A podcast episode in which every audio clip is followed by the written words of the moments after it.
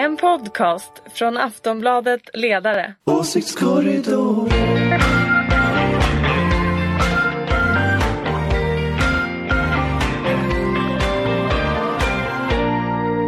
Då säger vi Vä...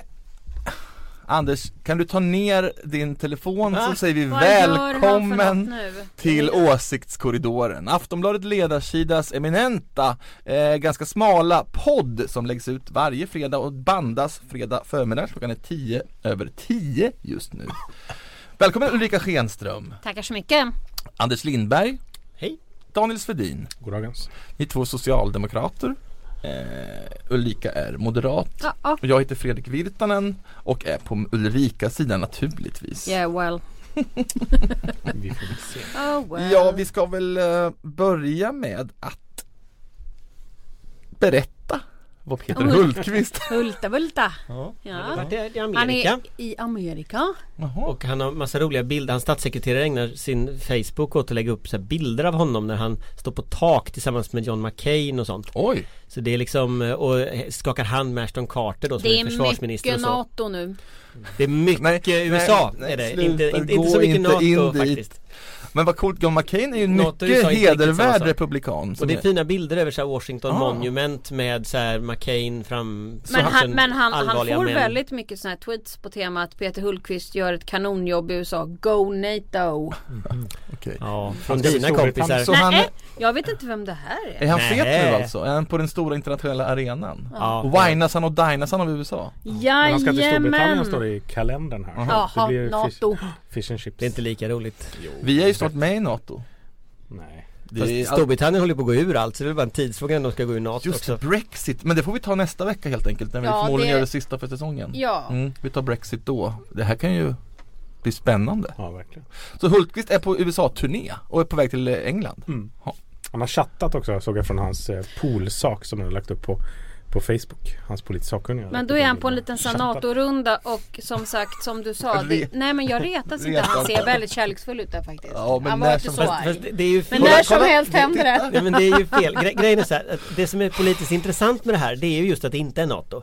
Så att det politiskt intressanta nu det är att Sverige alltså tecknar ett antal bilaterala överenskommelser Yes. och stärker relationen till USA. Jättebra. Inte med NATO. Nej. Och, Nej. och det där är ett skifte i regeringens politik så det där är intressant på riktigt. Mm. Om Trump blir president, det här kanske vi kommer tillbaka till. Mm. Det är inte lika roligt Nej längre. men då ska, han har väl sagt att de typ ska lämna något. Eh, kanske. Nej det har han inte sagt. Men han, har- han har sagt att de kommer att få Såg du inte det i morse Anders? Nej, men vad han har sagt det är att de europeiska medlemmarna måste betala mycket mer. Okej. Och det är faktiskt ganska komplicerat. Eh, och sen han drar ju bort USA, han är ju iso- isolationist Donald Trump. Så Ja. att det här med lämna NATO liksom, det är kanske ett spöke men, men, men det är ju på riktigt så att Europas säkerhetsordning blir lite rörig. Ja, Norge, vi får lita på Norge. Och om enda som Hulta blir- Bulta vill åka dit och skaka hand med Trump det är väl tveksamt. Nej, det är, men vi återkommer till USA-valet för eh, vi, även ska ni få tippa vem som vinner fotbolls-EM och vi ska prata om eh, svenska värderingar men vi börjar tycker jag i det intressanta här att Miljöpartiet detta gediget superliberala demokratiska parti har nu blivit, ja mer eller mindre stalinistiskt. Mm, kallas regeringsställning det där. Jaha, Mm. är det det som har hänt? Ta Ja, ansvar. de som inte hängt med då är det Carl Schlüter och Walter Mutt som liksom petades. Hej De var alltså Från- ta- talespersoner för EU respektive utrikespolitik. Japp, men det är de inte längre.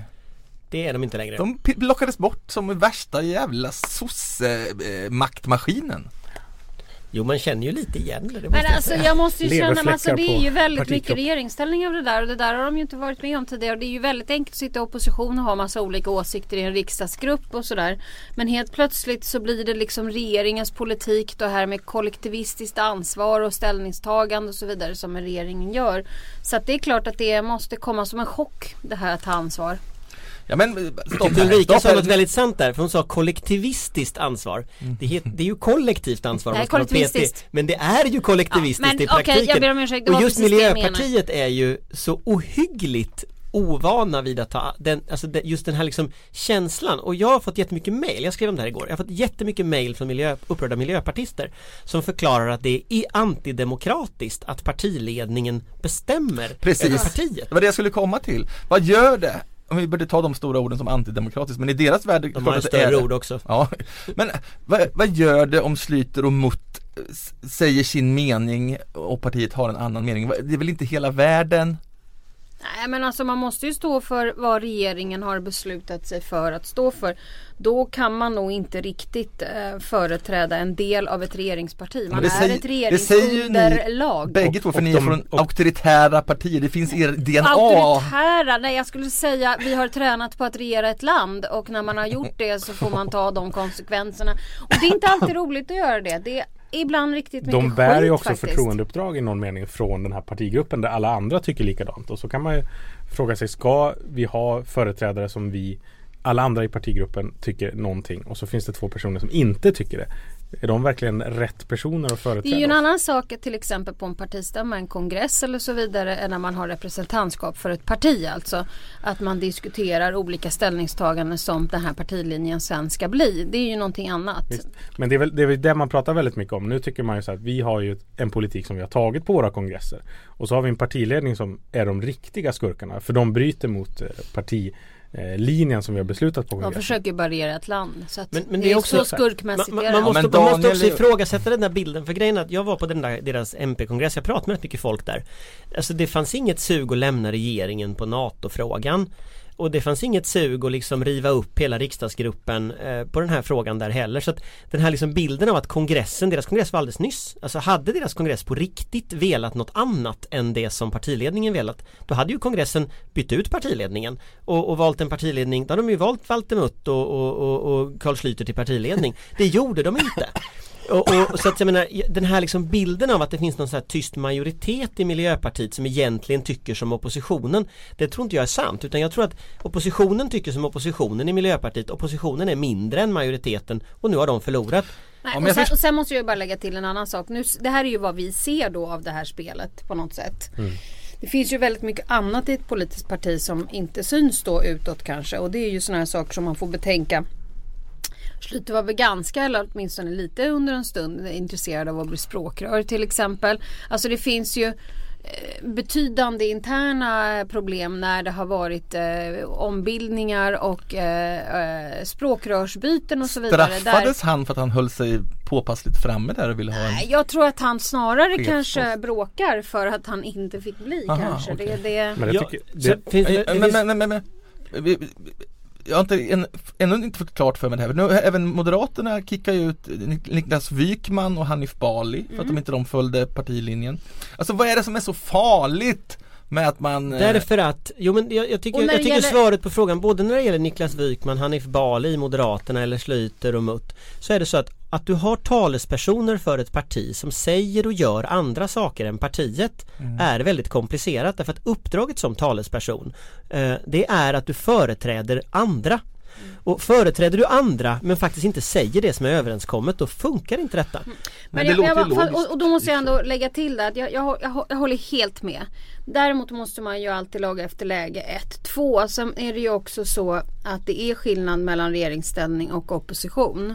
Och man ska också betänka till exempel att det ju väldigt ofta är så att man låter riksdagsledamöter till exempel som har annan åsikt kanske inte rösta i den omröstningen utan man kvittas ut. Det brukar vara det vanligaste sättet. Till exempel i eh, Moderaternas eh, för väldigt länge sedan omröstning om, hom- om eh, homosexuella, eh, homosexuellas rätt till adoption. Där vet jag ju och har jobbat med de flesta som gick emot där. Och då lät man att man fick rösta med sin egen övertygelse. Så jag tror att det, det måste gå ut efter liksom lite grann laga efter läge. Och- och Men det här som händer med Schlyter det är ju endast tror jag eh, på grund av att han, han är lite sur över den här nya eh, konstellationen av språkrör plus att han bråkar lite och när man sitter i regeringsställning kan man inte ha så här. Daniel, här kan du, kan du nyansera det här lite? De här auktoritetsbundna pe- personerna här. nej men jag vet inte om jag kan det men jag tycker att det, fin, det finns något intressant i att man överhuvudtaget lät Carl Schlüter bli eh, EU-nämndens ordförande när eh, man satte sig i regering med eh, Socialdemokraterna. Eh, Det här liksom och, och då tror jag verkligen att Miljöpartiet trodde att man skulle kunna alla får göra som de vill, alla får tycka som de vill. Vi är ett annat sorts parti, vi ska flamsa och tramsa den här mandatperioden. Och sen kommer liksom hela Mehmet Kaplan, Yasri Khan diskussionen.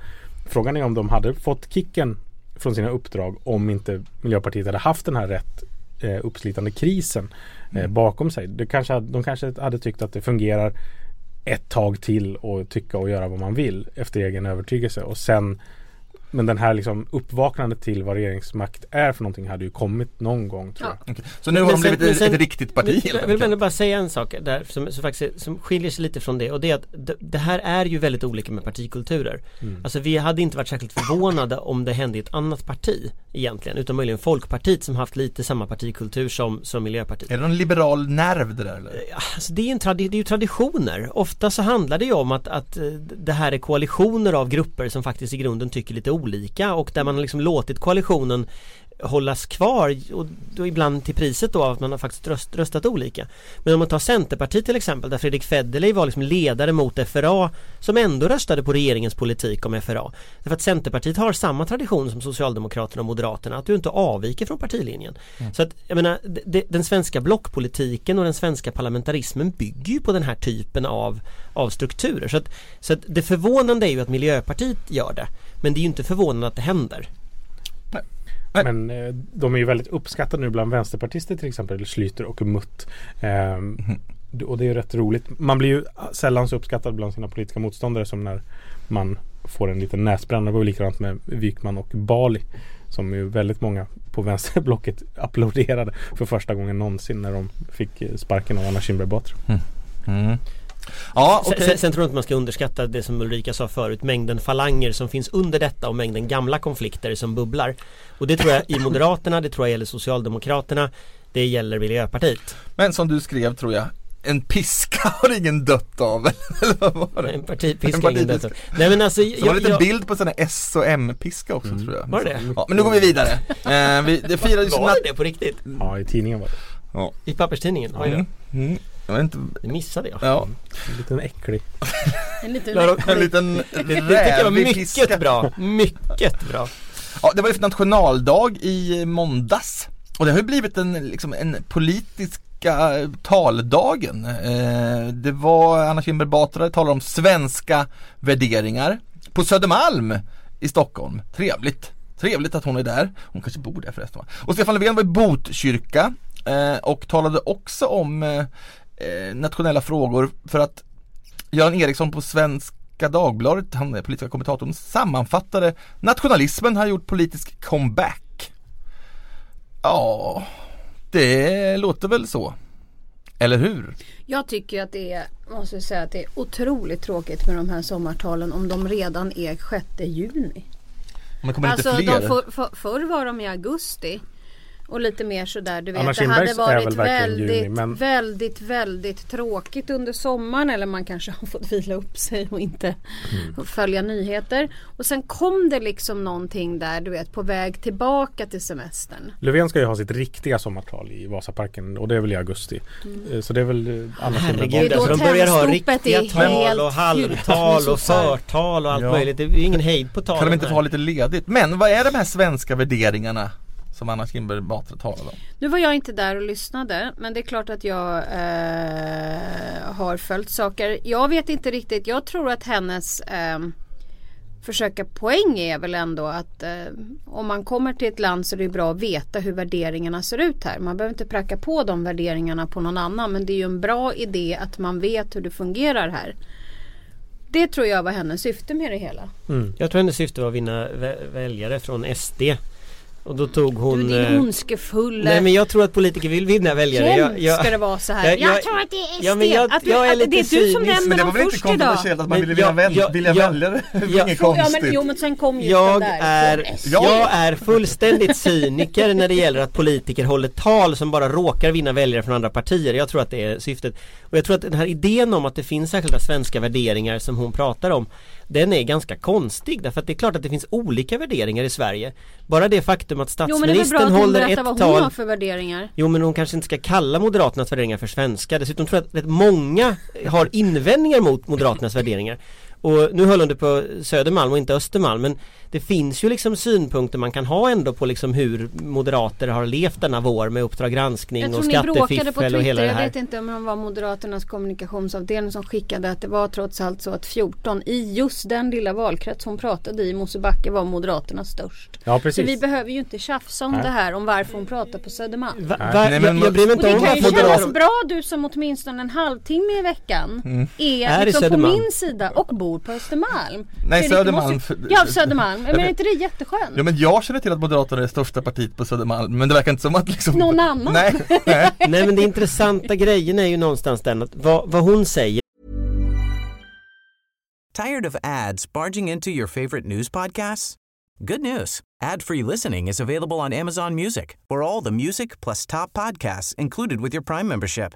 Stay up to date on everything newsworthy by downloading the Amazon Music app for free or go to amazon.com slash news ad free. That's amazon.com slash news ad free to catch up on the latest episodes without the ads. När hon säger svenska värderingar det är ju exkluderande. Hon säger ju svenska värderingar i motsättning till någonting. Och då är ju just nu motsättningen som Moderaterna och Alliansen målar upp det är ju Husby och stenkastning och såna här saker. Jag tycker det är en ganska tveksam retorik och jag tycker det handlar liksom om att ställa grupper mot varandra på ett sätt som jag inte tycker man kanske ska göra på nationaldagen. Om, om nationaldagen ska ha någon poäng så är det väl ändå att ena och säga att vi har liksom allting gemensamt och då kan jag tänka att den retoriken kanske man ska spara Anders, vi kommer liksom. vara oense om det här. Men det hon inte nämnde, som jag tycker att hon borde ha nämnt.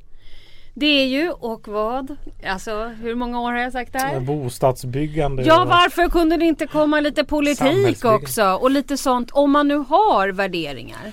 Man tycker att man kan liksom eh, man, man vill ha ett stort hjärta och ta in så många, då måste ju de ju komma i arbete. Kom igen nu då, Men stopp ge dem någonstans att bo. Vi har ju högst sysselsättningsgrad i hela EU I år ja. Vi bygger I fler år, ja. lägenheter än vi gjort Men på då ska jag berätta 25 en sak för dig år Fredrik Virtanen. Då Ja, är det så här, ja, vad, gör man då? Det är så här, det ser jättebra ut. Och det är, samtidigt så måste man titta på prognoserna. Hur det ser ut om ungefär fem år. Vet, Då är det så här, fram, den där framtiden Den kan, där kan, man- allting hända. Allt kan hända. Där finns det ingen verklighet ännu. Men, men om du tittar då på siffrorna från SKL, Boverket, Migrationsverket, eh, eh, SCB och så vidare så ser det inte alls lika bra ut. Nu målar du därför- Sverige svart, vi skulle Nej, inte göra det där. Vi nu skulle överdriver du. nationaldagen och allting Men din fråga var ju om nationalismen gör comeback. Ja men jag försökte Jag bara tror- vidda jag- det, liksom Jag vidga vyerna. Man behöver inte Nej. ens fråga det, det är klart att han har gjort det Nej, jag tycker det faktiskt är delvis någonting som händer. Jag tycker att S och M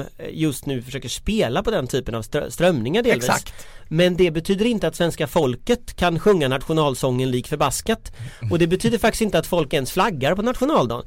Och det har att göra med en annan sak, nämligen det att jag tror att den nationalism som finns i Sverige, det som liksom är kärnan, den, den är nationaldagen liksom påtryckt uppifrån. Och ska vi titta på någon folklig högtid så är det midsommar. Och det är Aj, inte nu- liksom nu är vi eh. Det är inte på något sätt på Jag är riktigt så glad när mamma och pappa här- håller sams Ja, eller hur? Ja, jag är nervös 6 annars juni är inte rätt dag. Nej men det kommer bli det för att det är en ledig dag och Ja. det är sommar och det är fint. Hur många och, av er här inne firade 6 juni?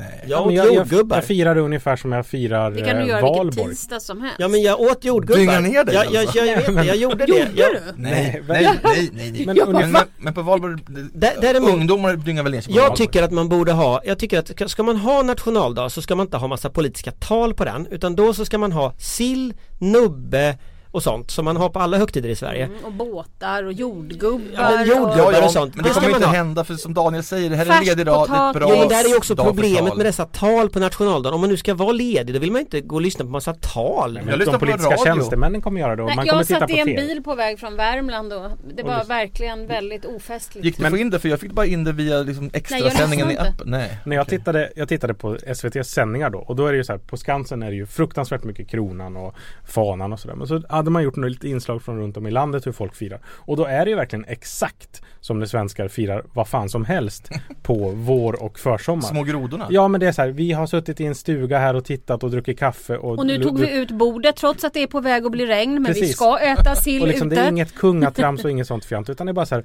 Ja vi har ledigt, vad fasen ska vi göra? Då tar man fram sillen och jordgubbarna och så kanske det- man går det- till Gammelgården Det är min, det är min det är nationaldag, det gillar jag. Ja, ja. Jag, Verkligen. jag, Och så hittar finns det de här- faktiskt sill, ja, men jag hittar Jättetrevligt. faktiskt gammal sill i kylskåpet. Ja, men det kan ni, då, ni som är i politiska hetluften, kan inte ni liksom göra en, en pakt om att ni, vi, skiter i tal på den här dagen, ni kan vara lediga allihopa. Vi lovar att inte hålla ett tal säger Stefan Om det nu Löfven ska vara till Batra om man inte bara kan flytta det till midsommarafton. Socialdemokraterna försökte ju vara Jättebra idé, då kommer alla att lyssna jättemycket.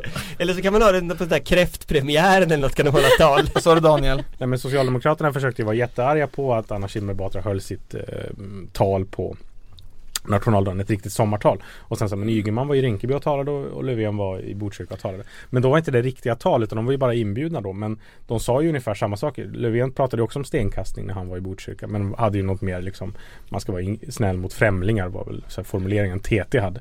Eh, så Episkt TT. Jag tycker, jag tycker här, här, är, här finns möjlighet till en blocköverskridande överenskommelse, helt klart. Men då kommer andra sidan alla småpartierna sticka upp och hålla en massa tal istället. Så det måste ju verkligen eh, se till att hela alliansen är med på det här och även Vänsterpartiet måste De vill ju säkert jättegärna hålla tal på nationaldagen. men, men nationalismen som politisk idé, vi, tog, tog vi den? Anders du trodde inte att det att, Jag tror att, Och jag det är tror att politikerna absurt. försöker använda den för att vinna röster men jag tror att, att liksom den här grundläggande den här traditionella svenska hållningen att liksom nationaldagen är nog inte så viktig. Den tror jag finns kvar. Jag tror de flesta människor är inte så jätteintresserade av det där. Nej, Men däremot, däremot finns det väl någon liksom, man tänker Löfvens prat om svenska modellen och eh, Anna Kinberg Batras prat om eh, svenska värderingar. Det är ju inte liksom bara kopplat till nationaldagen utan det är ju verkligen den politiska stämningen den här eh, försommaren och, och våren egentligen.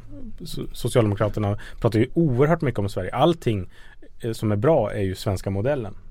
Ja. Istället för att leverera någon politik. Nu är jag men- där igen. Ja men allting är ju Åh vad jag är jobbig. Fast där är väl också, det är också, där är väl också grejen vad som är det svenska. Alltså tittar vi på Volvos reklam till exempel. Då är svenska det moderna.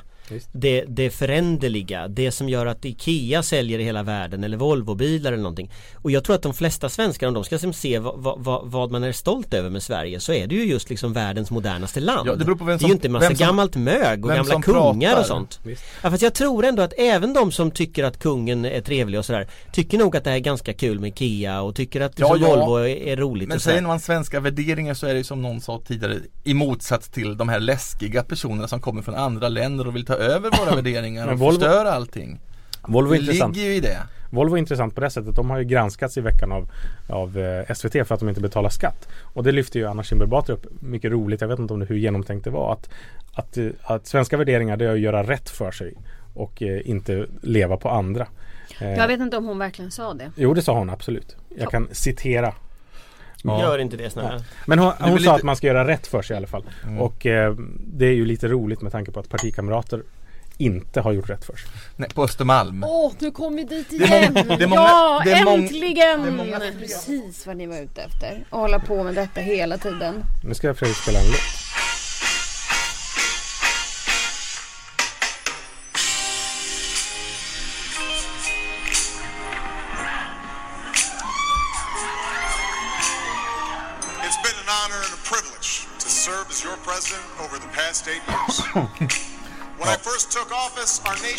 Facing one of the worst recessions in its history. Since then, we've added more than 14 million new jobs and lowered the unemployment rate to under 5%. Through the actions of my administration, we were able to stimulate the economy and get our country back on track. Oh, yeah. President Obama stimulated long-term growth in both the public and the private sector.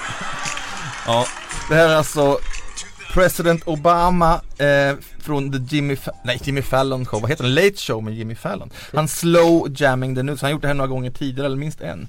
Och eh, det här är mycket roligt tycker många av oss. Ja. Det är mycket roligt. Ja. Det, Anders, vad tycker du? Anders han funderar mest på NATO. Ja. Jag vet inte riktigt. Flinta Jag känner Och att det jag här- ett lite Det här är kanske en rolig grej men han igår gick han ut och då gjorde en lång tre och en halv minut endorsement för eh, Hillary. Den har jag sett däremot. Mm. Den är mycket intressant. Och Hillary är liksom, hon är klar nu. Ja, hon är Även- klar. Även om Bernie Sanders Ja, man måste låtsades ju- uppretad. Man måste ju ändå ge honom en liksom, det var ju rätt så här, du vet, då är man jäklar liksom, då har man bestämt sig på något sätt, det är ju lite coolt sådär. Ja du det är det faktiskt. Måste man ju säga att liksom så här, du har förlorat. Nej nej, jag kör ett varv till. Ja men hallå där. Mm. Det tycker jag man får ge honom. verkligen. Nej men man funderar väl lite vad som är hans endgame. Alltså vad han egentligen vill, S- Sanders då. Vad, vad han vill med det här. Och min Han kan nog få rätt mycket. Ja exakt. Alltså att han vill hans bestämma förhandlingsläge är ju guld. Visst. Han påminner lite om, Genom någon dock, dock om de här, de Ja, här men ABF-gubbarna tycker jag som, som finns när när man, när man går på ABF-seminarier då finns det liksom en kategori människor som aldrig slutar prata eh, och, och det där är alltid liksom en sån här Men de har nu inte så många, inte du de har inte det så är- många fans. inte du Det är alltid en sån här hanteringsproblem liksom, för att de, de slutar liksom aldrig, de ger aldrig upp Nej, det är en viss typ av farbröder. och, och det är en viss typ av farbröder, de finns Men också på Utrikespolitiska Nu- institutet Och han påminner väldigt mycket om den där typen att, att, liksom att du, du, du, han kan ha sin mikrofon, du kan stänga av mikrofonen Det här är och inte så mycket en prata fråga. Påminner om dig lite grann Anders kan man säga på det viset. Inte i ålder Lägg på Anders 50 år. Varför skrattar ni tyst allihopa när jag Ja, säger det ja. Jag log. Det är ingen som skrattar Du kommer bli en sån farbror eh, Anders. Men nu tycker jag du förminskar eh, Bernie Sanders här, att, att, att, han, att han är en, en rambling pratkvarn som inte kan sluta. Det är klart att han har en helt annan eh, endgame, en helt annan agenda. Men det är ju såklart att han vill ju fortsätta valla stöd och sen kommer han lämna över alla dessa eh, små, Trump, eh, små Bernies vid kongressen. Och till stort flaggviftande jubel Demokraterna. och Demokraternas skenande mot eh, Vita huset. Eller? Vad tror du? men, men det kan ju bli jätterörigt för dem om det ska vara, alltså om den falangen ska bli, fortsätta vara stark i Demokraterna då kommer det ju bli jätterörigt att hantera valkampanjen när de ska Ja, vinna mitten. Men jag tror att de där måste göra upp och det tror jag var det som eh, Oh yeah var inne och pratade med Bernie om här på, på morgonen eller natt. Visst. Nej men Ja. Bernie sa ju det. Nu, det, de träffades. nu går allt till att Ja, krossa han var ju Trump. ute och det jag göra. pratade här på nyheterna här. Jag förstår inte hur ni kan ens tänka att det är ett problem. Det är inte så att Bernie-anhängare någonsin, någonsin kommer liksom stödja Trump eller någonting sånt. Jag tror att Nej, problemet det, där tror Det är jag. helt Det, givet jag att har de helt, kommer det, det har du helt rätt i. Utan, utan där är väl dilemmat om folk tappar engagemanget. Alltså att, att, att man har utmålat den striden mot Hillary så att Hillary är så korrupt och så uh, kass att, så att det är liksom så mycket Washington så att det är all of the same. Hon är värre än Eh. Trump har ju förekommit som argument. Liksom. Och, och det, det, det är en typ av vänsterretorik som jag är lite rädd för därför att Mm. när, när du splittrar vänstern på ett väldigt tydligt sätt då, då är risken att en Mm. sån som Trump vinner. Nu hoppas jag att Bernie Sanders och hans kampanjstab inte gör det misstaget så att säga. Så att, och som det verkar på hans retorik nu, han, han låter ju mera liksom ja, att han ska samla folk och sådär. Nej så men det, ja det lät hoppas så man ju. Liksom. totalt. Så det var väldigt säga. uppenbart. Men han hade kanske inte hamnat i den situationen om han inte hade gjort den där sista vändan. Ja, han fick ju cred också av Obama i det här klippet som Fredrik pratade om. Eh, att så här, han har verkligen lyckats entusiasmera förstagångsväljarna på ett sätt som ingen annan kandidat har gjort. Och det ska han verkligen ha tack för. Exakt, det han. han har gjort mycket bra saker för vårt parti.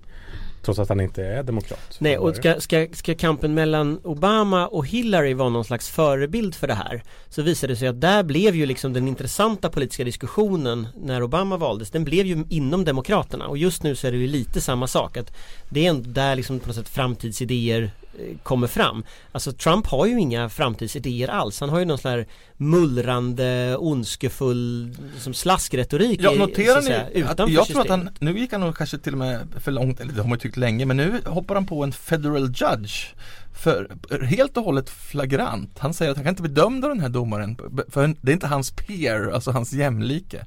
Han accepterar Han inte sa den ju till och med att han var mexican Exakt, han är, han är från Indiana, eh, alltså som inte ligger i Mexiko.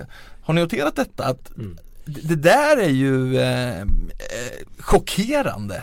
Visst. Alltså det är ju ett rent rasistiskt uttalande. Ja, ja, ja. Alltså, alltså- så det, är, Det, det, det är ju ett öppet rasistiskt Ja, uttalande. Det är någon slags arvsgenetik hos den här stackars domaren då som skulle göra att han inte kan döma Trump. Ja, men det verkar vara första gången som stora delar av det republikanska etablissemanget verkar tycka att det här är ja. Lite för Det är jobbigt. lite för mycket ja. Ja, men ändå, de även Paul det. Ryan gick ut och sa att det var rasistiskt men han, Men jag han kommer ändå rösta på på. Fast rent valmässigt sett också så var det ju förmodligen ett extremt misstag in, innan primärvalet i, Ka- i Kalifornien med en sån stor grupp hispanics. Därför att vad han lyckades göra var ju att han mobiliserade ju varenda människa att gå och rösta på Clinton. Så det hjälpte, ju honom, det hjälpte ju Clinton mot Bernie Sanders det här uttalet. Men om du får samma effekt eh, så att säga i andra delstater då blir det ju, då kan du ju få Men det här får väldiga tro att. Han den spinngeniet han har anlitat verkar inte vara något geni för det här kan inte, jag kan inte Jag kan inte se att det här var smart på någon enda eh, nivå, kan ni det? Nej. Nej, svårligen. Fast han, han är ju världens främsta spinngeni så då kanske inte ens, inte ens Schenström Men är du på den vet jag nivån kan ju säga det att oavsett eh, vem man är som medarbetare så måste ju trots allt Du eh, själva materialet ändå gå att hantera. Vad skulle du göra om du skulle liksom sälja Trump? Jag skulle inte ta den uppgiften. Ja det skulle du ju såklart, du, du skulle inte kunna hålla dig För ett sånt liksom eh, stjärngig Nej, nej, alltså jag tror att det, jag tror inte att det, man jobbar inte med honom, han jobbar med dig. mm. Okej, ja tycker jag, Vi är sömniga lite grann idag men så vi slutar med lite fotboll Jag vet att, jag vet att, jag vet inte, är du intresserad av fotboll Nej. Ulrika? Daniel lite Ja, på, med, med förnuft. Jag tänker kolla ikväll bara för att jag vet att, råkar veta Och att Anders nio ser ikväll helt och Anders skräckslagen ut. men, mm. så, men vem vinner VM? EM? Tyskland har jag hört. Okej, Tyskland, och Anders vad säger du? Säg ett land bara I Tyskland? Europa. Säg NATO Nej, Tyskland tror jag vinner. Ja. De vinner alltid fotbolls-EM har jag hört. Daniel? Ja, jag tror att Frankrike kan ta det. Mm, jag säger också På hemma, Frankrike hemmaplan. Är eh, Som inte heller kan någonting om fotboll men Spanien eh, kanske? Nej. Ja. Vi får se hur det går eh, Det är så här, Fyra fotbolls Lyssna inte på det här. Men allmänt är det så att Tyskland och Frankrike är de mest tippade så att eh, jag tror inte ni är helt ute och cyklar Tack så mycket Ulrika Schenström Tack så mycket. Anders Lindberg, Tack. Daniel Svedin och jag heter Fredrik Virtanen. Ha en trevlig helg! Trevlig helg. Trevlig helg. Åsiktskorridoren